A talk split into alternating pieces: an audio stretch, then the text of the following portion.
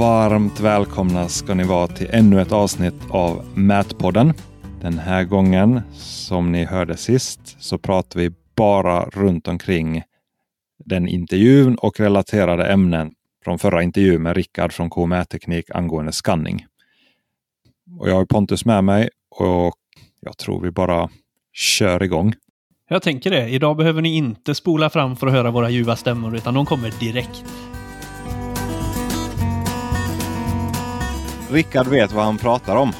Det tyckte jag lös igenom. Ja, det var härligt att höra en, eh, vad ska man säga, en passionerad nörd. Jajamän. Passar denna podden?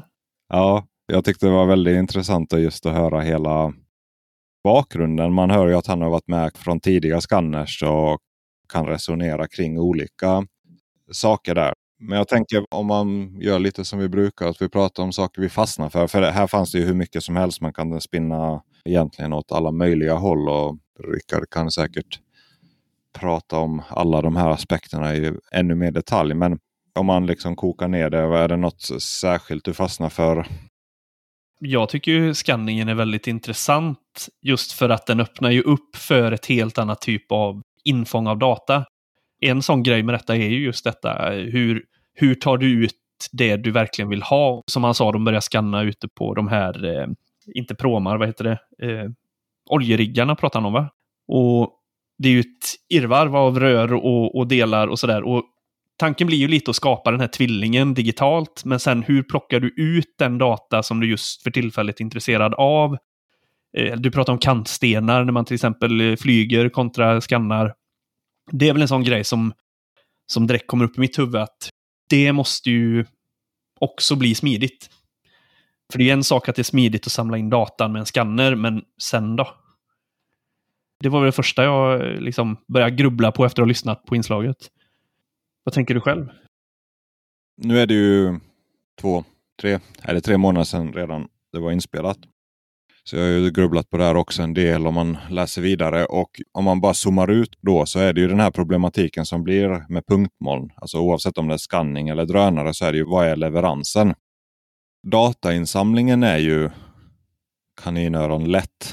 Slut kaninöron idag. Nej men eh, att få ett eh, rätt så vettigt punktmoln från drönare är relativt lätt. Eller väldigt, ja, det är lätt. Och skanning också med de här nya scanners. Så man kan ju råka få det väldigt bra, väldigt lätt. Men vad gör man sen för att få ett punktmoln som särskilt vid laserskanning då som väger gigabyte på gigabyte eller tiotals gigabyte dumpat i knät på sig. När det allt du ville ha var en 2D-planlösning. Det är en jättestor glipa och ett jättestort ortofoto. Och um, om det stannar där så jag tror inte man har gjort kunden glad. Om inte kunden har en egen modellavdelning eller egentligen har, besitter den mätnings tekniska kompetensen och förädla det vidare. Kanske en stor organisation kanske vill bara lägga ut datainsamlingen men då tar man ju inte det till det formatet som kunden faktiskt jobbar med. Och, och det finns nog inget enkelt svar på det. Jag tittade på en, eh, jag ska länka till det för det är väldigt intressant. Eh, det är framförallt om drönarflygning då, men hela processandet från ett amerikanskt företag. Vi får se om han vill vara med i podden eller inte. Men Ariotas heter de. De egentligen processar punktmoln fram till färdig linework som de kallar. Alltså linjer och punkter. Alltså en CAD-ritning och en TIN eller en yta. Det är det folk vill ha. Så han går igenom processen där. Han pratar lite om olika program. Du kan digitalisera brytlinjer, virtual surveyor, reshaper, Terra. Du har um, ja, Pix 4D mapper. Eh, du kan göra det i Revit. Alltså det finns massa olika verktyg. Han sa att alla är lite olika bra på olika sätt. Gemensamt är att alla är dyra. Den tar väldigt lång tid. Semiautomatik finns på vissa sätt, men det är fortfarande en människa gör det oftast snabbare. Det är väldigt mycket kvalitetskontroller som behövs för det här automatiska uttagandet. Om du ska ha som man kallar survey grade, alltså vill du ha det för visualisering, planering eller sådär så funkar ju de automatiska eller semiautomatiska systemen rätt så bra. Men ska du ha den där noggrannheten som du är nog är ute efter så behöver du mycket mantimmar. Och hans pitch är ju att de gör det jobbet. Alltså från processar, se till att och kvalitetskontrollera, ta fram linjer och så. Men han säger att det är väldigt mycket mantimmar. Det finns inga genvägar till det. Han sa att det förändras. De har gjort det i sex år. Alltså varje år är jättestor skillnad. Vilket program är bäst eller jättestor skillnad. Men alltså det går ju framåt jätte, jättemycket på den fronten. Men fortfarande är det så. Det finns ingen magic bullet som får fram det där. Och Jag tyckte det var så skönt att höra för jag har letat efter den här ett tag. och tänkte äh, någon måste ju ha ett bra sätt men det finns liksom inget ultimat sätt utan det handlar om att du har tydliga processer. Du har en bra standard. Du vet hur, hur tolkar du allting. Hur, vi säger, han sa en kantsten. Visst, du kan plocka ut kantsten, men vad händer när den är trasig?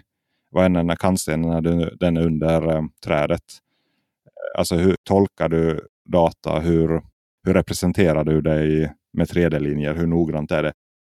Ja, lagerstruktur, allting sånt här måste vara strukturerat och då kan du få ett rätt så vettigt flöde det knyter ju samman allting. Jag tänker, som du börjar säga, att det är ju relativt lätt idag. Återigen, samma som jag sagt med totalstationer och GPS och allting, att det blir ju mer och mer lättanvändligt. De blir snabbare, de blir effektivare. Du kan ju lättare och lättare samla in all din data. Då blir det ju lite det här hand i hand med hur vet du att din data är bra? Hur kvalitetssäkrar du? Hur ska du tänka när du skannar? Du kanske behöver ha ett visst sätt av ja, men, ska du få med dig en takbalk, du måste ju få en skanning från båda sidor takbalken, annars fick du inga totala dimensioner på den. Och samma sen inne vid datorn. Och det pratar ni också om i den här intervjun. När, när ska man använda en viss typ av utrustning och när ska man gå över på, på nästa, lite vassare? Och det behöver inte ens vara att de är olika vassa egentligen, utan de är ämnade för olika saker. Till exempel, ja, men som du sa, en drönare. Den, är ju, den fyller ju sitt syfte och är bra fram till en viss gräns. Sen kanske du måste antingen komplettera med eh, totalstation, GPS eh, eller någon handburen eller helt skifta och strunta i drönaren. Så det, det, är ju inte bara, ja men snyggt, jag köper en skanner och så skannar jag av allt och så har jag en eh, tvilling på allt jag äger och har på millimeter. Riktigt så funkar det ju inte. Nej, det återkommer väl till beställningen eller vad, vad vill man göra med det? För en viss kundtyp, vi säger du bygger du bygger villor och du ska göra det som FMT då. På ett ja, citat modernt sätt eller ja, cutting edge. Så då är ju en terrestrial eh, scanner säkert. Alltså du, du skannar av allt och så har du det. Du kan hantera det. Men eh, om du är takläggare och vill eh, använda det av scanning. då kanske drönare eller en BLK to go är jättebra. Du bara promenerar runt och så kan du ta ut de måtten du vill ha för att göra en offert eller planera ditt arbete. Ska du sätta in en tryckpress som är supernoggrant in i någon industrilokal och det handlar om tiondelar så är ju det är helt annan utrustning och arbetsinsats. Ja. Så att man kanske inte bara, ja det är väl som med allt. Alltså, ska du ha en GPS eller ska du ha en totalstation eller ska du ha en tumstock? En mätfirma kanske behöver ha flera ja, anpassat för det, det man vill producera. Ja, precis. Och att man hela tiden har med sig det här noggrannhets och kvalitetskontrollen som man pratade om när de skannade. Jag vet inte om man sa att de gick ner i någon källare. Jag, jag kommer inte riktigt mm. ihåg, men just det att de, de gick med en eh, handburen skanner och skannar av. Men så gjorde de även ett polygontåg med en totalstation och jämförde vissa targets. Och programvaran som de använde för skanningen säger det här blir jättebra. Men när de går med med totalstationen och jämför så låg de 5 cm skevt. Eh, om det var en total radiell eller om i viss riktning, det vet jag inte, det tror jag inte han sa. Men, men just det att 5 centimeter, då kan du inte måttanpassa någon dörr eller någon viktig håltagning. Alltså, då börjar det ju bli ganska stor diff på det. Ja, det funkar inte. Betongkonstruktioner inomhus, det är inte tillräckligt. Nej. Som tur var så gick han ju med med totalstationen och gjorde den kontrollen. Annars hade man bara bara kört på med skannen in i, i programvaran och programvaran säger jajamän, det här ser skitbra ut. Bygg modell på detta. Det är ju lurigt. Mm. Och det är väl det så att man måste förstå mät. Och det handlar återigen mer avancerad mät. Alltså det är ju det som är att det är så enkelt att få en grön, grön siffra som säger att det är bra. Men att förstå vad det betyder den och kunna kontrollera det. och Alltså framförallt handlar det om ett bra nät. Då är det helt plötsligt rätt så svårt. Eh, eller man måste veta vad man pysslar med. Jag ska bara tillägga det så fort som möjligt här, 11 minuter in, att jag har inte jobbat egentligen alls med skanning. Jag har jobbat runt omkring skanning. Och på företaget båda vi har varit på så jobbar man ju mycket med skanning.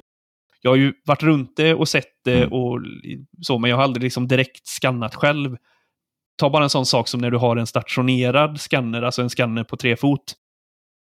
Hela den skanningprocessen, det är ju egentligen att jobba med fram och bakobjekt. Du måste ha gemensamma nämnare. Sen om det är så kallat cloud to cloud och den klarar det och det är tillräckligt bra eller om du har de här targets som är bollarna eller, eller andra typer av, av targets. Men, men du måste ju fortfarande ha den här...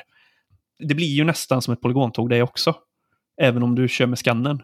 Det är ju samma princip. Ja. Nu är det ett par veckor sedan jag lyssnade på Rickards, eller den intervjun då, men sa han inte det att det är lite samma tänk. Alltså med nät, du behöver bygga upp starka trianglar. Eh, liksom hur dinglar, om man nu tänker sig ett nät, att det dinglar. Alltså precis som med totalstation ska du inte göra fria vad kallar man fria polygontåg eller pikéer, som, ja, flera stationer ut som är helt lösa som du inte har någon kontroll på. Det kan du inte göra inom scanning heller. Eller om du inte ska ha noggrannhet. Alltså sen är det kanske tajtare än motsvarande med en totalstation och Ja, samma sak som en tumstock. Om du går och lägger flera tumstockar efter varandra så får du en diff. Det är ju samma princip att fel bygger på fel. Ja men exakt. För det, det vet jag ju bland annat. Eh, vi har bollat när jag har pratat med andra kollegor i branschen och så har man liksom diskuterat till exempel den här som ni även lyfter i podden, BLT, BLK to go, heter den va? Mm, den är väl handhållen, kanske 300 mm stor. Ja, som du håller i näven och går runt och skannar. Ja. En sån har jag faktiskt testat live också, men eh, då diskuterar vi bland annat det här att eh, ja, men om du ska skanna en byggnad med, med ett gäng våningar, säg att det är, eh, det är ett trapphus och sen så på varje våning så är det en korridor och där är du nöjd. Du vill få med de här korridorerna upp hela vägen. Så var första kommentaren att ja, men då använder ni ju trapphuset som er referens. Där kan ni lägga in era alltså kontrollpunkter, koordinatsatta i rätt system och sådär. Men det är ju ganska begränsad yta. Även om du har med dig det vertikalt så har du ju ganska små avstånd där inne. Och så fort du sen börjar promenera ut i varje korridor, det kan ju snabbt bli en skevning. Jag tror att den förståelsen kommer mycket med alltså geodesi och mättänket. Att ta med sig det att bara för att du har jättebra värden på korta avstånd så har du fortfarande ett fel och det växer med, läng med längder och precis som du sa, han sa ju det själv också där, eh, Rickard, att det är nästan ett måste att ha grundläggande mätkunskaper för att kunna göra liksom, skanningjobben bra. Mm. Så de går lite hand i hand. Jag vet inte hur um, HMK definierar skanning. Alltså det finns ju fordonsburen laserskanning och areal, alltså flyg, flygskanning. Och HMK är ju väldigt bra beställningsdokument. Och det måste vi lyfta i podden. Alltså mer, jag tänker själv också. Jag har suttit och läst lite nu de nya HMK 2021 som kom i början på 2022 om GNSS-mätning och totalstation. Fantastiska dokument och de är ju som beställarstöd. Så egentligen finns ju många av svaren på frågeställningarna finns ju där. Men sen är ju frågan då, man måste ju börja använda dem då och, och få beställarna att använda sig av dem och så vidare. Men till exempel om jag tolkar eh, fordonsbunden laserskanning rätt så de har ju standardnivå 1, 2, 3 och 3 är noggrannast. Då. Det är 20 millimeter medelavvikelse. Maximal medelavvikelse. Och då är det ju på något sätt oavsett, alltså när, när, du väl börjar säga en siffra så måste du på något sätt börja kontrollera emot den. Du, du, databladen, vill säga, jag bara tänker totalstation, är inte totalstation. Ja, med scanning eller vad. En säljare säger en sak, det här funkar, det här funkar. Eller programvaran säger en sak, det funkar. Men du har ju inga bevis på det förrän du har en oberoende kontroll. Eh, och det är först när man börjar scanna saker flera gånger eller kontrollera det som man faktiskt börjar få en uppfattning om vad som händer. Det hade ju varit intressant om ni har någon som, om du känner någon eller gör det själv som lyssnare, att hålla på med det där och har bra tankar kring det här så hör av dig så kan vi kanske göra ett avsnitt om det. För hur kontrollerar man punktmoln på ett bra sätt? Vad är standardprocess vilket typ av nät behövs. Räcker det med GPS-punkter? Idag är det ju om man tittar på alla filmer och lite så här så är det ju typ ta med din GPS-pinne. Sätt lite targets runt om byggnaden. Sen är det good enough. Men hur långt är det good enough? När måste du ta ut en totalstation och göra ett nät? När måste du dra en avvägare på dina punkter för att få det bra höjd? Alltså, inte bara kravställningen som HMK många gånger ställer väldigt bra. I och för sig, HMK ger ju tips också om hur man når dit. Men att med modern utrustning eller aktuell utrustning. Hur gör man för att nå den här kvaliteten? Ja, exakt. För det, det är samma problematik. Alla, om vi nu har pratat om att entreprenörerna har massa, de har ju GPS nu och så kan man oroa sig. Kommer de veta vad de håller på med? Kommer de att äta rätt? Eh, vad blir kvaliteten och så vidare? Det är exakt samma sak som händer med scanners. Du har ju grävmaskiner kommer att ha scanners. Du har scanning på vanliga bilar nästan. Du har ju LIDAR-scanners på många. Din telefon, iPhonen har en scanner och skannar du av som huset här jag bor i. Det ser väl bra ut. Jag kan mäta och hur, Men, men det, det diffar eh, 5 mm per meter i bästa fall och i sämsta fall så går det inte ihop sig alls när man går ett varv runt huset. Så diffar det på en eller två meter. Men snart är väl eh, de så pass bra så att du knappt kan se skillnad. Att, att det, oftast går det bra men då blir ju återigen kvaliteten. Vad ska du ha den till? Ja, och kunna hantera datan, kunna jobba med den, kunna plocka ut. Ja, men exakt. Det är det som blir eh, ska man säga, yrket kan man nästan säga. Ja, där sa du något. För så är det ju med digital tvilling. Det är ju fancy uttryck. Alltså jag tycker det, det, det är ju inte... Det borde ju ingå mer i en digital tvilling än ett punktmoln. Jag tycker det, det är lite billigt uttryck. Men visst, det är, det är ju ett... Ehm, det är ju ett sätt att beskriva det på. Men, men oavsett så att det bygger väl på att du måste kunna bearbeta in flera datakällor in i ett projekt kan man väl säga. Alltså du måste ju säga att det är en skanning av en digital tvilling. Men då måste du kunna komplettera den skanningen. Alltså när saker förändras. Just det. Du vill kunna ha utomhus och då blir det ju antagligen drönarflygning eller någon Navis-skanner. Och du vill kanske komplettera vattengångar. Du behöver mäta terrestert. Ja.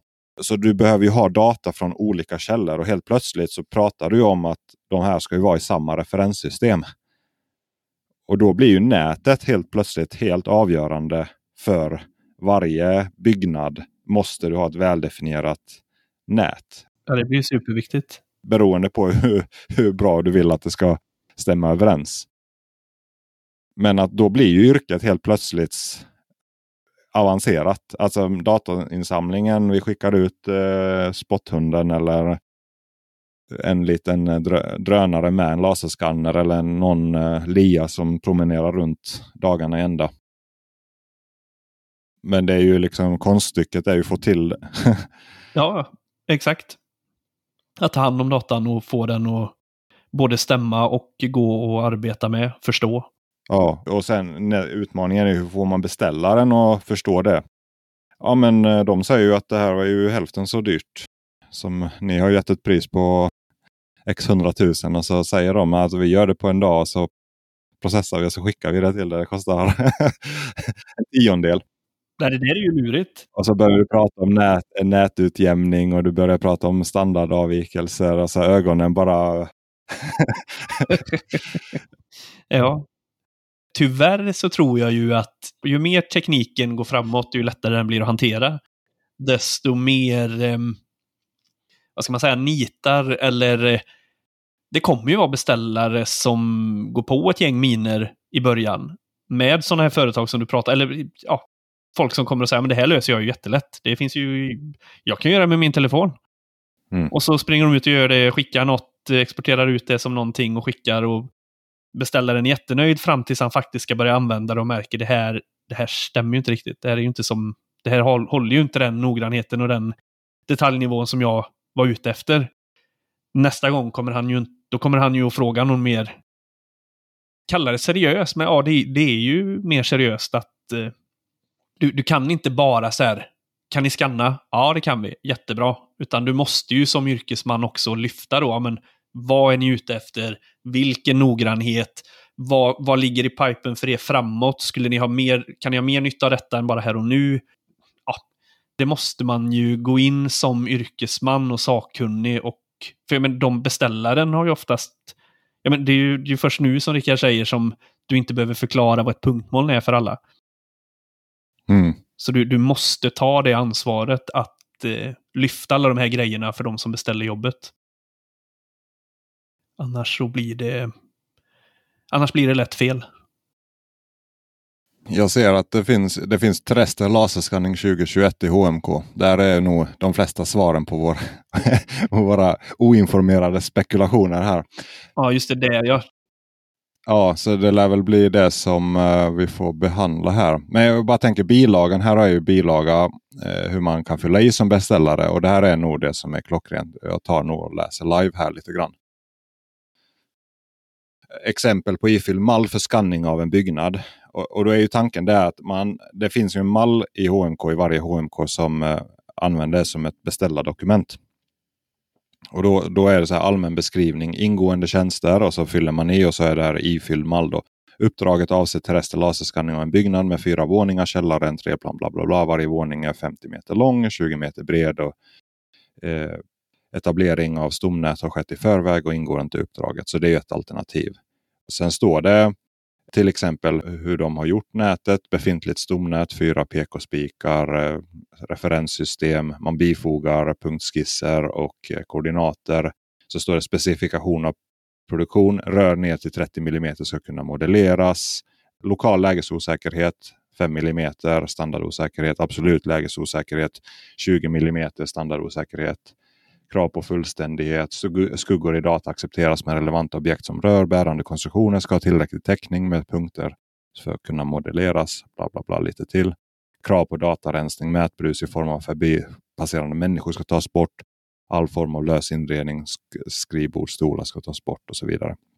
Så, så här, här finns ju en dataspec och det är ju flera rubriker här. Men det, det är väldigt bra, alltså just den här beställningen blir ju väldigt, väldigt tydlig. Ja, det är superbra och maximal eh, filstorlek och geografisk indelning och ja, ma massa sånt här. Man får väl ta, ta sig i kragen och läsa igenom den här då så kanske vi kan prata om ja. lite resultat. Spontant om jag känner eh, gemene beställare rätt så kommer ju han att säga vadå, ska jag sätta mig in mm. i deras yrke till fullo för att kunna göra en bra beställning? Jag måste ju kunna prata med en sakkunnig och så hjälper han mig att ta fram rätt grejer som jag vill ha. Så är det. Beställaren kommer ju tror inte jag, alltså okej okay, visst om du har en beställare på en stor organisation, de jobbar på en flygplats, de jobbar i en tunnel, eh, alltså de, de, de, de vet vad de pysslar med. Det finns någon mätningsteknisk person anställd på enheten eller organisationen så är det ju, då, kan, då är de en kompetent beställare. Men de flesta beställare som vill ha det här, de, är, de vet ju inte ens HMK. Vi mätare vet ju inte ens vad HMK är. Nej, Nej men det, det ligger ju någonting i det du säger. Det är exakt ja, så. Lite om man får vara liksom självkritisk mot branschen. Alltså, vi säger, nu, nu ska jag inte, Rickard och K Mätteknik vet säkert om det här och inget sånt. Men alltså, jag bara, det, kom, det kom aldrig upp när man frågar. Jag frågar ju helt oinformerad om de här sakerna ändå när jag är intresserad av det här. Och nu ser jag live liksom här, okej okay, det finns en bra spes för det här. Och när man pratar om osäkerhet, jag pratar med Leica, jag pratar med alltså säljare då med Leica och Navis och där, där, där. Alltså massa olika. Och det är ingen som säger ja men det står ju här i det här dokumentet. Titta på det här. Alltså man ställer frågor men det finns ingen som säger ja men eh, vet inte att det står här. Det här är ju standard. Och eh, jag bara tänker, nu är det ju nästan två år sedan jag pratade med Claes-Göran Persson som skrivit en del av de här HMK, de tidigare utgåvorna, eller många av dem. Man hörde ju i hans samtal, han tänkte jag det är ju självklart, de jag pratar med, alla vet vad det är de använder sig av det här. Mm. Ja, nej men det var ju hans, hans bild ja, av det. Ja, exakt. Jajamän. Alltså, så man lever ju i de här, man kallar det på internet filterbubblor. Alltså man lever i olika verkligheter på något sätt. ja. Nej, men def definitivt. Sen vet jag inte om man försöker göra det om man tar större företag eller man kan ta, om vi tar HNK som ett exempel. När du kommer till ett företag, du kanske har läst till mättekniker i två år på yrkeshögskolan. Eh, du har såklart, förutsätter jag, sneglat på och eh, tittat på de här olika standarderna och, och och så, men du, du, du har kanske inte lusläst alla dokument. Sen när du kommer till ett företag så säger ju inte de ja, här är alla dokument som styr vårt dagliga arbete, läs dem. Utan de säger så här gör du detta, följ med han så visar han hur man gör det. Och så liksom sakta men säkert så klär mm. du på dig en massa kunskap i ditt yrke. Sen att det råkar vara, eller att det då är styrt mot vad till exempel HNK säger, det kanske du inte ens, om jag bara talar ur egen erfarenhet, jag fick ju lära mig hur jag skulle utföra mitt jobb och sen när jag i efterhand går in och tittar, ja men då förstår jag ju varför jag gjorde så. För det står ju här. En annan parallell kan ju vara en anläggare. Han, eh, han vet hur han ska göra sin rörgrav, han vet hur han ska packa, han vet vilka, vilka tjocklekar saker ska vara. Men säger, säger man någonting om AMA så kanske han knappt vet vad han har hört AMA. Han vet inte vad det är, han har inte tittat i den, han har inte... Men han jobbar ju enligt AMA i mångt och mycket. Men han har ingen aning om själva källan till varför han gör som han gör. Mm. Det var en väldigt bra parallell. Ja, men liksom, och, och, lite det här, frågan är... Om jag ställer frågan till dig. Om du kom nollad och ska lära dig en bransch. Hade du velat att någon visar dig hur du ska göra eller vill du först få, här är grunddokumenten för varför vi gör som vi gör? Och vad finns det liksom för för och nackdelar med det skulle du säga? Ja det, ja, det är ju från vilket perspektiv. Alltså, men visst, om jag som individ då, som jag börjar på ett ställe så vill jag ju att någon visar mig hur jag gör. Men ändå relativt fort knyta an det till teorin. Jag har ju saknat det. Det här har vi ju pratat om hur många gånger som helst när vi jobbat. Hur vet jag att det jag gör är bra? Man får lite ont i magen när det visar gult i handdatorn och man funderar, man kliar sig i huvudet. Varför visar det grönt? Det är lite så, man, man vet inte vad man pysslar med. Och även om jobbet i sig själv egentligen inte förändras så mycket så ger det ju en, ger det ju en trygghet i ryggen att veta vad man pysslar med. Att när, när kan jag frångå? Vad klarar jag mig med? Och så vidare. Så, så att jag tror att var, varva teori och praktik är ju jättebra. Men sen, sen förstår man ju, alltså, det är ju bra om eh, om man har en bra utbildning först. Då har man ju en del av teorin och sen får man ju fortsätta eh, det. Men problemet blir ju att kan man ta in tre års, två, års, två till fem års teori och sen omsätta det i praktiken. Jag, jag tror inte det, för du, du börjar säga att du läser en kurs i entreprenadjuridik eh, i ditt första år som mättekniker. När du fem år senare hamnar i en roll, när du börjar ska slåss lite med beställare och, eller diskutera. Så har du inte det, de sakerna färska och du förstår inte vad orden betydde. Du förstår inte sammanhanget. Jag tittar väldigt mycket på Youtube eh, om eh, mätosäkerhet, theory of errors på engelska och lite olika greppar det. Alltså, det finns rätt så mycket nu, framförallt under covid-tiden så har det ju lagts ut jättemycket. Engelska universitet har ju om mätosäkerhet och så vidare. Så det finns, finns mycket information om det, men man hör att det är inte kopplat till produktionen. Okej, okay, jag kan räkna ut, jag vet formen för standardavvikelse. Jag, jag, kan, jag kan räkna ut min sigma eller, ja, och så vidare, spridning och olika siffror. Men vad betyder det i praktiken? Det är ingen av de här utbildningarna som jag ser det, så, alltså knyter an det. Vad, hur jämför du det här mot det och hur ställer du det mot varandra? Så HMK har en, en del om det och det finns några förenklade dokument av HMK, lite guider som har information om det här som är väldigt bra som jag tänkte vi får ta upp någon gång. Men, men att det är fortfarande väldigt, väldigt svårt. Jag letar, jag läser, jag sitter på kvällar, helger. Jag har gjort det i fler, liksom, sju år, åtta år. Och det är fortfarande, hur gör man? Det är inget, inget uh, nej. Men, men, men, men, praktik med teori tror jag är att varva det. Precis. Problemet blir ju att hur många har en supergedigen teoretisk bakgrund? Du kan kontrastera det med var, varför bråkar vi ens? Det funkar ju. Byggnader byggs. mätning utförs. Varför tjötar vi? Det var ju någon som kommenterade, var det du som sa att äh, mätpodden är för nördig fast han, fast han jobbar som mätare? Ja, Exakt. Det var till och med för nödigt för yrkesmän. ja, det är ju ena änden att det funkar ju. Det, vad håller vi på och babblar om? Det funkar ju. Och sen har du andra änden. Jag gick i någon kurs av, ehm, det var en dags kurs av eh, han eh, Milan Hormeus. Han är ju professor där på KTH, mätningsteknik. Då. Han har ju så bra koll på mätningstekniken så att det blir ju lidande av praktiken kanske. Och det blir den här curse of knowledge. Alltså, han, han kan det så bra så han kanske inte riktigt kan förklara det för en som inte fattar grunderna. Men en sån lärare i skolan har ju alla haft någon gång. Så man, ja. Man hänger inte med för fem öre, men det är för att läraren är för duktig på det den håller på med. Ja, och grejen är att han, han utbildar ju, alltså okej, okay, generellt utbildar han ju folk som har gått de där grundutbildningarna redan. De vet, eh, de kan statistik, de har redan läst en kurs i statistik och en variabelsanalys och algebra och så vidare. Så de ja. förstår det här språket, matematiska språket. Så det är inte kritik mot han så, men det är ett systemproblem att mätning är så teoretisk och praktisk samtidigt. Så du måste liksom kombinera bägge sakerna här.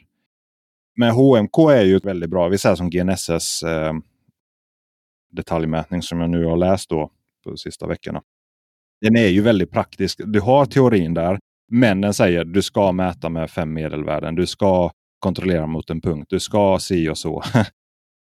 Eh, och du bör göra så här. Alltså följer du där de där skallistan och börlistan, då uppfyller du det teoretiska också.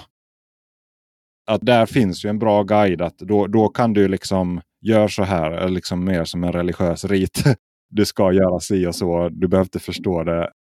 Men det finns liksom, okej, okay, när du börjar ställa frågor så finns det, okej, okay, då kan du läsa här, då kan du dyka ner i det där, då knyter det an här och så vidare.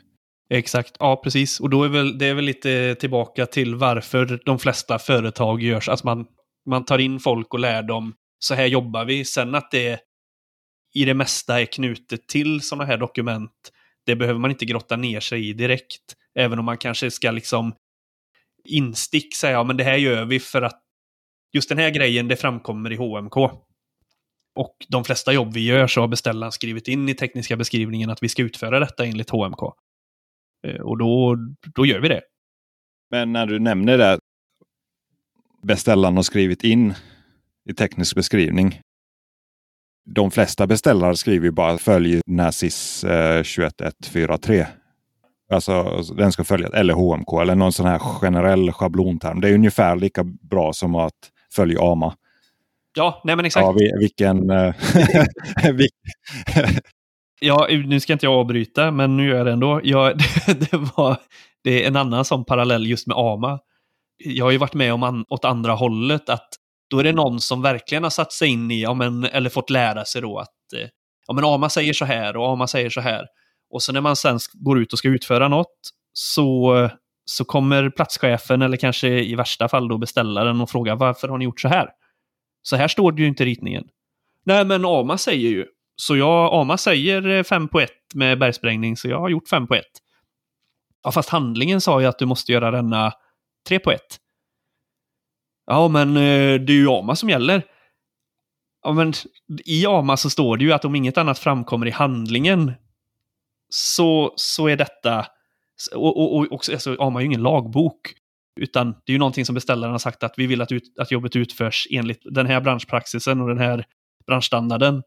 Eh, men, men den här viktiga, liksom, det finns ändå, om, om inget annat framgår i handlingen, så hand, i det fallet så trumfar ju handlingen, men personen i sig tycker ju att han är ju jätteduktig, för han kan ju AMA.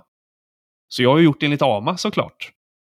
Och det, det ska man nog också, alltså bara för att ett dokument säger att det här är enligt dokumentet tillräckligt bra, men så kommer beställaren och säger att jag vill ha det ytterligare lite bättre, då kan man ju inte bara, nej men jag följer det här dokumentet. Så man, ja, det är bara en sån liten parentes. Jättebra. Och det är ju beställarkraven. En, en sak som jag var väldigt imponerad över är ju Nacka kommuns tekniska handbok. Okej. Okay. Det är ju så att de flesta kommuner, eller eh, det vet jag inte, flesta. Många kommuner har en teknisk handbok på sina hemsidor. Göteborg har Blå boken. Eh, Stockholm vet jag inte vad den heter, men den finns ju online. Malmö har en väldigt bra projektering.nu. Eh, och de har ju väldigt bra guideliner. Även om du projar något annat eller så, så finns det ofta väldigt bra tabeller, tillämpningstabeller där. Gör si och så, så tjock ska överbyggnaden vara bla, bla, och så vidare. Men om man nu tänker mätning och teknisk beskrivning. Nacka kommuns tekniska handbok är jättegedigen på väldigt många sätt. För den säger vad som ska stå i den tekniska beskrivningen. Men sen också vad som är projektanpassat. Lite som RA om man tänker AMA. Liksom, fyller i det här. Det står i blått. Liksom, det här ska fyllas i liksom, manuellt. Och då finns det ju då för BJB, geodetiska mätningsarbeten för anläggningsarbete med grundläggning av hus. Och så finns det fler, tio sidor text om vad man ska fylla i och inte fylla i. Oftast finns det bara en rubrik och så bara eh, typ eh, ska följa SIS 21443. Ja, nej men exakt. Det var ju lite det. Ja, exakt ja, men, men, här står det till exempel då mätningsans om jag läser lite rubriken mätningsansvarig och så står det att de ska ha grundläggande mätningsbehörighet enligt Lantmäteriets behörighet och det ska kunna styrkas med relevanta betyg och anställningsintyg. Sen står det om kontrollprogram, hur man gör det och vilket avsnitt i SIS, liksom 422. Så står det att man ska ange referenssystem, höjdsystem, UID-modell, kravställning för detaljmätning och då är det en hänvisning till SISen med vilken tabell och punkt, tabell A18 korrektioner vid trigonometrisk höjdmätning om man ska påföra dem. Det ska man. Man ska korrigera för tryck och temperatur. Det står hur man ska kontrollera utrustning för RTK-mätning. Eh, att I början av varje dag så ska RTK-utrustning som ska användas kontrolleras mot inmätning av punkt med kända koordinater i plan och höjd. Den kända punkten ska vara koordinatbestämd ingå från, i bruks eller anslutningsnätet i plan och höjd. De ska kontrolleras och utvärderas mot toleranskraven för de aktuella mätningsarbetena. Det ska vara eh, stomnät och så ska man ange alla punkter, punkt-id och ja, det finns jättemycket. Men det är väldigt spesat. Alltså när du får den, då, då är det ju kalkylerbart. Då vet du vad som gäller.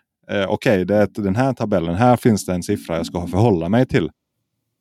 Men då gäller det ju att beställaren har skrivit in det här för att han menar att detta ska göras. Så att det blir rättvist mot alla som räknar på det här jobbet.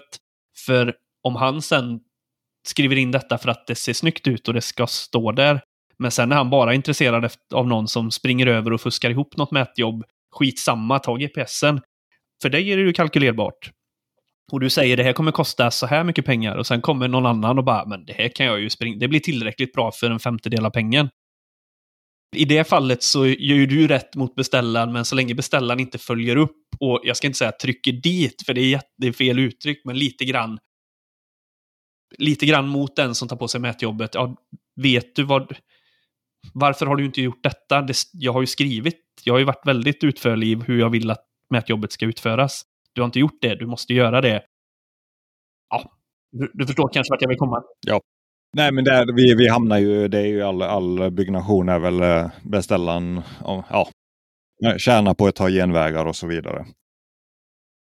Jag tog faktiskt fram den framför mig här nu också, den eh, Nackaste. Den är ju... Men den är, den är ja. fantastisk. Alltså jag, jag, jag kommer använda mig av den i, även i mark, markfrågor. Jag har redan använt mig av den. Den är jättebra, för den är så praktisk. Alltså, det känns som de har, här har vi gått på en nit, här har vi gått på en nit, här har vi gått på en nit.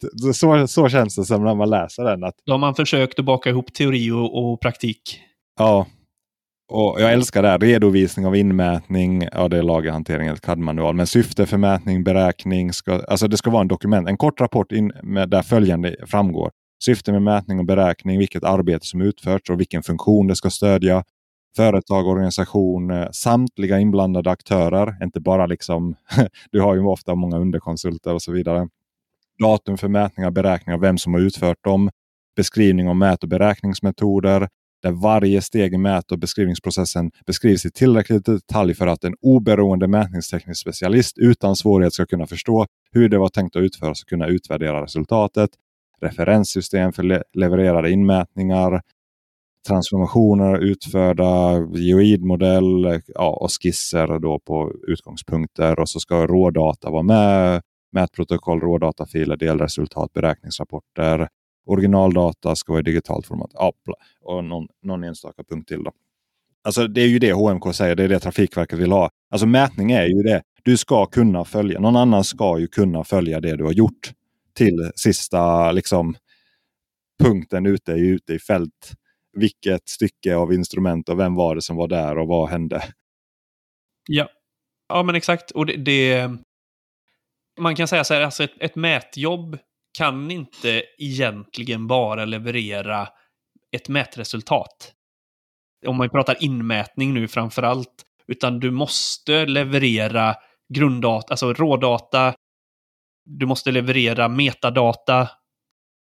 Levererar du inte allt detta så får, du, så får ju egentligen inte kunden en komplett, vad ska man säga, alltså en kom komplett leverans. Och kunden bör ju få det, alltså i alla fall göras tillgänglig det här, även om de inte ber om det. Det är väl det som är god mätsed, att du själv gör det oavsett om kunden vill det eller inte. Men då är vi tillbaka på det att det är vi som är sakkunniga, det är vi som är... Ja. Mm. Ja, det är det det landar i, att eh, du är professionell i ditt arbete. Att du, du har eh, läkaren diagnostiserar mig med cancer eller någonting. Då hoppas jag ju inte att de bara har antagit det, utan de har följt en process så att de har, de har dokumenterat någonstans i sitt system hur de har gjort. Sen kanske man hör på vården att det kanske finns problem med, med den processen också. Men, men att på något sätt att det ingår i ens arbete. Men det är ju som du sa där, så var, oftast blir det ju rätt så du tjänar ju på att ta genvägar. Det tar ju tid det här. Så är det. Det tar väldigt mycket tid. Ja. Men det blir också eh, kvalitetssäkrat och eh, lätt att granska och eh, kontrollera. Ja, ja, alltså man sover ju bra. Det, man måste ju göra så om man ska överleva ja, men länge. en beställare måste ju sova gott på det också. Mm. Det är det jag tänker. Det, det är ju... Dokumenterna finns ju inte bara för någon, någon enskilds eh, skull, utan den är ju för allihopas skull. Mm. Kravställningarna är för allihop. Man kan inte bara se till sig själv eller, eller till ja, men, jag sparar in lite pengar här. Jo, jo, men du kanske har ont i magen för du vet inte om det är du sen sitter och projar mot dina arkitekter och konstruktörer projar mot. Du kan inte liksom säkerställa att det faktiskt stämde. Så nej, men det, det här dokumentet, det kan vi väl tipsa alla som lyssnar att gå in och kika på. Tekniska Ja. beskrivningen Nacka kommun. Det var, Vi eh, får, får lägga in det i avsnittsbeskrivningen. Nej, den är jätte, jättebra alltså. ja, där har du väl, eh, kan inte eh, den eller de som har varit med och tagit fram detta och slagits för att det här ska tas fram på det sättet, hör av sig så du får prata med dem. Jo, jag har med det på min långa, långa to-do-lista av folk jag ska Ja, men det är bra. Nu hoppas vi att eh, den här personen som uppenbarligen har lite eh, känsla och tycke för mät lyssnar på podden. Så eh, Ja, vi vill att du är med. om ni känner någon där. Ja, nej men det, det är bra. Ehm, veta vad man pysslar med. Det var där vi började med. Beställning, tydlig beställning. Man måste förstå mät. Ska man kanske här inflika, det passar ju rätt så bra, eh, fått ett lyssnarbrev då. Och jag har kollat så att jag får läsa upp det här och så jag ska jag göra det lite anonymt bara. Som egentligen belyser hela den här problematiken som ny mätare. Eh, så jag läser väl, är det ett långt eh, meddelande så jag läser stora delar av det. Eh, han tackar för podden och, och gillar innehållet och han ville dela med sig av sin erfarenhet. Detta bristyrke som han kallar det. Han tycker att det är lite konstigt att det är ett bristyrke trots alla YH-utbildningar. och massor av folk som utbildar sig. Men problemet är att många nya mätare slutar inom ett par år i hans erfarenhet. Han tror att typ 50 procent slutar inom två år efter utbildning. Och man ska vara glad om efter tre, fyra år om det är 20 procent av klasserna som fortfarande jobbar som mätare. Han skolade sig 2018 och så har han jobbat på en mätkonsult och ett entreprenadföretag. Man ska först och främst inse att det är en väldigt hög inlärningskurva i detta yrke. Man lär sig långt ifrån det man behöver på dessa utbildningar. Det handlar ofta om blandade klasser där man tar hänsyn till den som är mest ointresserad eller långsammast. Inget fel i det, men om man satsar på att alla ska klara sig så hinner man ofta bara titta lite lätt på de olika delarna av utbildningen. Utbildningarna för mätare och utsatta kanske ska ändras så att man koncentrerar sig på till exempel maskinstyrningsmodeller och en annan kanske stomnätutjämning. Då blir man bra på de delarna istället för dålig på många saker. Det vill säga dela upp yrket som mätare eller utsättare. Det är väldigt mycket att lära sig både i program, modellbyggande, mätning överlag, ritningar, drönare, AMA, mer, Trafikverket och så vidare. Och så vidare. Och så ska man inte glömma grunderna i mätning. Är mitt mätresultat realistiskt eller rimligt? Vet folk som står mitt i en tjock granskog och påstår om att de har fix? Ja, det är ju säkert realistiskt om man får förstklassig mätdata. Ja, lite sarkasm där.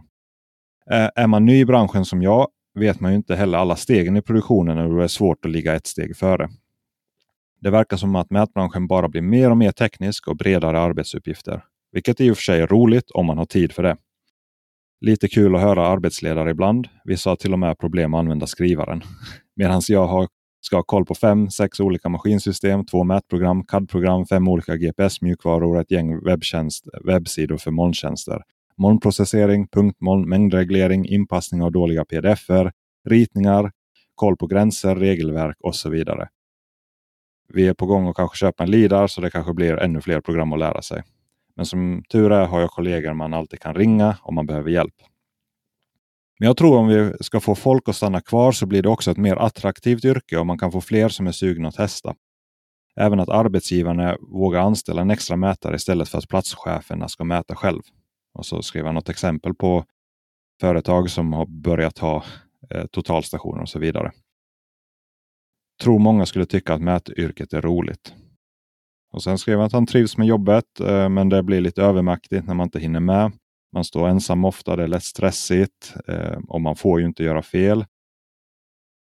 En bra sak han skriver här, man borde faktiskt inte jobba ensam första året ute i fält kan jag tycka, men det är en kostnadsfråga. Min syn på yrket är att det är ganska utsatt och folk i projektet har inte förståelse för vad vi faktiskt gör. Blir mycket stress då underlaget man får är dåligt. Planeringen är ofta obefintlig och man förväntas kunna och ha koll på det mesta och alltid vara tillgänglig. Man ska även redan ha förberett modellerna och utsättningsdatat utan att ha blivit tillfrågad om detta. Mycket av det man råkar ut för är okunskap om vad vi mätare gör. Folk runt omkring förstår inte allt jobb vi i bakgrunden för att göra ett bra jobb. De ser oftast bara en kostnad. Men tänk vad en mätare och utsättare betyder för hela byggprocessen. Och sen säger han, nu, nu kanske du bara tror att jag är negativ, men så illa är det inte. Och sen skriver han att han har väldigt bra kollegor och han trivs med jobbet och han lär sig mycket och, och så vidare. Så han, han trivs med yrket. Men han, han lyfter ju problemet. Eh, och så skrev han ett uppföljningsmeddelande lite till om lite aspekter. Men det är ungefär samma, samma sak. Men ja, vad säger du Pontus? Amen brother. jag, jag, tycker att han sätter huvudet på spiken. Ja, det är så jag tycker att det här hade kunnat varit ett eh, öppet brev till hela byggbranschen från en mätteknikers perspektiv. För det, det är, ja, jag håller med i ja, egentligen allt han skriver. Det fanns ingenting att Nej, det är en korrekt analys av eh, verkligheten som mättekniker, eller pinpojk som är ännu mer diffust i vad vi håller på med och gör och kan och, och förväntas kunna. Ja, det är du som är pinpojk. men det är jag som är pinpojken, säger man. Nej, Nej, det var bra brev. Ja, mer sånt. Mer sånt. Jag tror att många som lyssnar på denna podden eh, kände igen sig i det här. Ja, man, man bara tar en djup suck när jag fick det. Jag bara tänkte, Nej, det, det, är helt sjukt vad vi håller på med. Det är, det är macho, macho, vad heter det? machochister. Alltså själv, självplågeri är det att vara mätare. ja, exakt. Men, men uh, nej, vad ska man lägga till? Men, men det, det är brutalt hög inlärningskurva och just det där förväntningen att du Alltså om man tittar på Mätsverige-forumet, till exempel finns någon tråd om det där. Hur, hur börjar man som mätare? Ja, räkna med att du jobbar övertid de första tre åren. Det är väldigt charm, charmande ju såklart. Först ska du ja, utbilda dig och sen ska du bara slava och ligga ute och vara tillgänglig. Och... Ja, sen ska vi ju eh, lyfta det han också skrev ett par gånger där att och det är därför du har den här podden, det är därför jag sitter med här. Det är därför folk lyssnar. För i grund och botten så tycker vi ju att det här är ett kul yrke. Mm. Vi gillar ju det vi gör. Och just för att det finns så mycket att lära sig och man blir aldrig riktigt själv eller fullärd. Och det finns massa nischade grejer att nörda ner sig i. Det gör ju att yrket blir väldigt intressant. Så, så i grund och botten så är ju detta så är ju detta kul och bra, men det blir ju ett problem när man, lite som han skriver, du förväntas kunna allt i en bransch och ett yrke där du aldrig kommer lära dig att kunna allt. Nej, det måste ju vara som läk läkare, det har vi pratat om. Läkare uppdelade, du har ju en allmän läkare men så har du dina specialister, radiologer och du har eh, internmedicin, eller ja, vad de nu heter, internmedicin och hjärna och du har advokater, eh, det, det, civilrätts och brottsmåls och försvars och alla dess former utan att ens veta någonting om advokater så vet jag att det finns flera olika typer av advokater. Så, så, professionella yrkesgrupper är ju uppdelade. Så det, det, är väl bara en tidsfråga innan det här blir uppdelat. För det, det är helt omöjligt annars. Ja, jag tänker det. Sen jag har ju varit med om alltså kunder när man har haft en av eh, sina anställda ute hos den här kunden på ett eller flera projekt. Och sen så börjar projekten bli så komplexa att man, ja men då sätter vi den här personen på de här jobben och sen så kommer den här personen att vara på de andra typerna av jobb då väljer kunden att byta företag. För att han tycker att nej men eh, det var mycket bättre när jag hade en som kunde allt. Ja men med den här kravspecen som du har på det här jobbet så kommer vi aldrig ha, vi har ingen som kan allt detta på den nivån som projektet kräver. Så vi måste sätta flera. Ja, ja, men då får, vi, då får vi se hur jag gör. Jag kanske tar någon annan då. Mm. Och det, det är... Eh, ja, så kan det vara. Så kan vissa tänka. Och det, det blir lite konstiga krav på... Men då återigen, han säger ju, som han skriver i brevet, de vet ju inte allting bakomliggande. De ser någon som levererar mängder på ett papper. De ser någon som sätter ut ett kryss på en gjuten platta. De ser någon som mäter in en brunn uppe på locket. Det är det de ser och det är det de tycker är yrket. De ser inte allting runt omkring, alla dokument som är styr vår vardag. Det är problemet. Hade du haft ett fastpris som vi pratade om förra Så kan du skicka vem du vill. Nej, det kan du inte för de, de vill ha en, en kontakt eh, också. Men, men, men, att ändå så en, en del av problematiken tror jag, den här stressen skulle kunna undvikas. Alltså, nej, men, då har du din databehandling och kalibrering och dokumentation. Liksom. Annars ser kunden bara att du är ute två timmar och så undrar de varför får du en halv dag eller sex timmar eller en hel dag. Och, och, med all rätt när man inte förklarar vad man har gjort. Så är det. Så är det. Det, det vet man ju också. När kunden får en faktura, inmätning spont. Eh, eller utsättning spont. Och så är det åtta timmar. Då kommer kunden ringa direkt och säga Känna du vad den här sponten, den är 100 meter lång med en vinkel. Eh, tar det åtta timmar? Då kanske man skulle redan när man skickar iväg den här skicka med sin dagbok att du har liksom vridit in din handling, du har skapat din utsättningsfil, du har åkt ut, du fick sätta ut en höjdfix för du måste ha något att utgå från. Du fick sätta ut den här sponten. Sen så undrar de om du kunde göra något mer på plats när du väl var där. Alltså, helt plötsligt så säger ah, ja okej, okay, ja, men jag fattar. Jag bara tyckte det såg konstigt ut när det stod utsättningsspont åtta timmar. Och så är diskussionen över. Du hade sluppit allt det om du, om du på något sätt fick med hela ditt ditt flöde. Eller som en sån sak vi pratade om sist också, det här med egenkontroller i efter. Alltså, man måste göra sina egenkontroller och det måste man också våga ta betalt för. När du har gjort någonting, att du kontrollerar att det du har gjort stämmer. Det ingår i ditt jobb. Du har inte gjort färdigt ditt jobb innan du har kollat det. Den tiden måste du ju både våga och du ska ta betalt för den. Nej, det blir, det blir uppföljning på det där. Det tror jag definitivt. Men återigen, kul när eh, folk eh, skriver in med sina tankar och erfarenheter och så. Det är mer sånt. Det är väldigt intressant att lyssna på och jag tror det finns mycket att diskutera.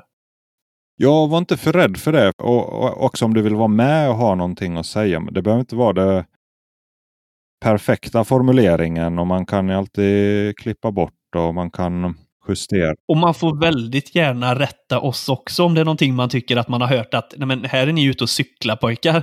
Ja. Säg det. Vi är ju det intresserade av också att veta hur saker och ting fungerar. Och det är inte alltid vi har facit, utan vi pratar ju mycket utifrån vårat, eh, våra erfarenheter och vad vi har lärt oss fram till idag. Verkligen. Vi är ju liksom inte ja, det finns folk som har jobbat hela livet med det här och nördat sig hela livet. Så det, det är lång, långt ifrån. Kan skrapa bara på lite ytor här. Ja. Men scanning i alla fall, är det en bra teknik? Det är en jättebra teknik som bara kommer bli större. Och det är en del av mätvardagen redan och kommer vara ännu större del i framtiden. Det tror jag också. Vi säger väl så för den här gången då. Det tycker jag att vi gör. Väl mött nästa gång. Väl mött nästa gång ja. Och har du tankar eller vill dela med dig av dina observationer eller rättelser så skicka dem till Jonathan landskaparen.se. Och eh, dela gärna med er av era erfarenheter på LinkedIn.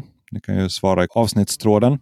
Och eh, framförallt berätta till andra om mätning och mätosäkerhet och sprid att det här är ett viktigt yrke och upprätthåll kvaliteten och god mätsed i allt ni gör.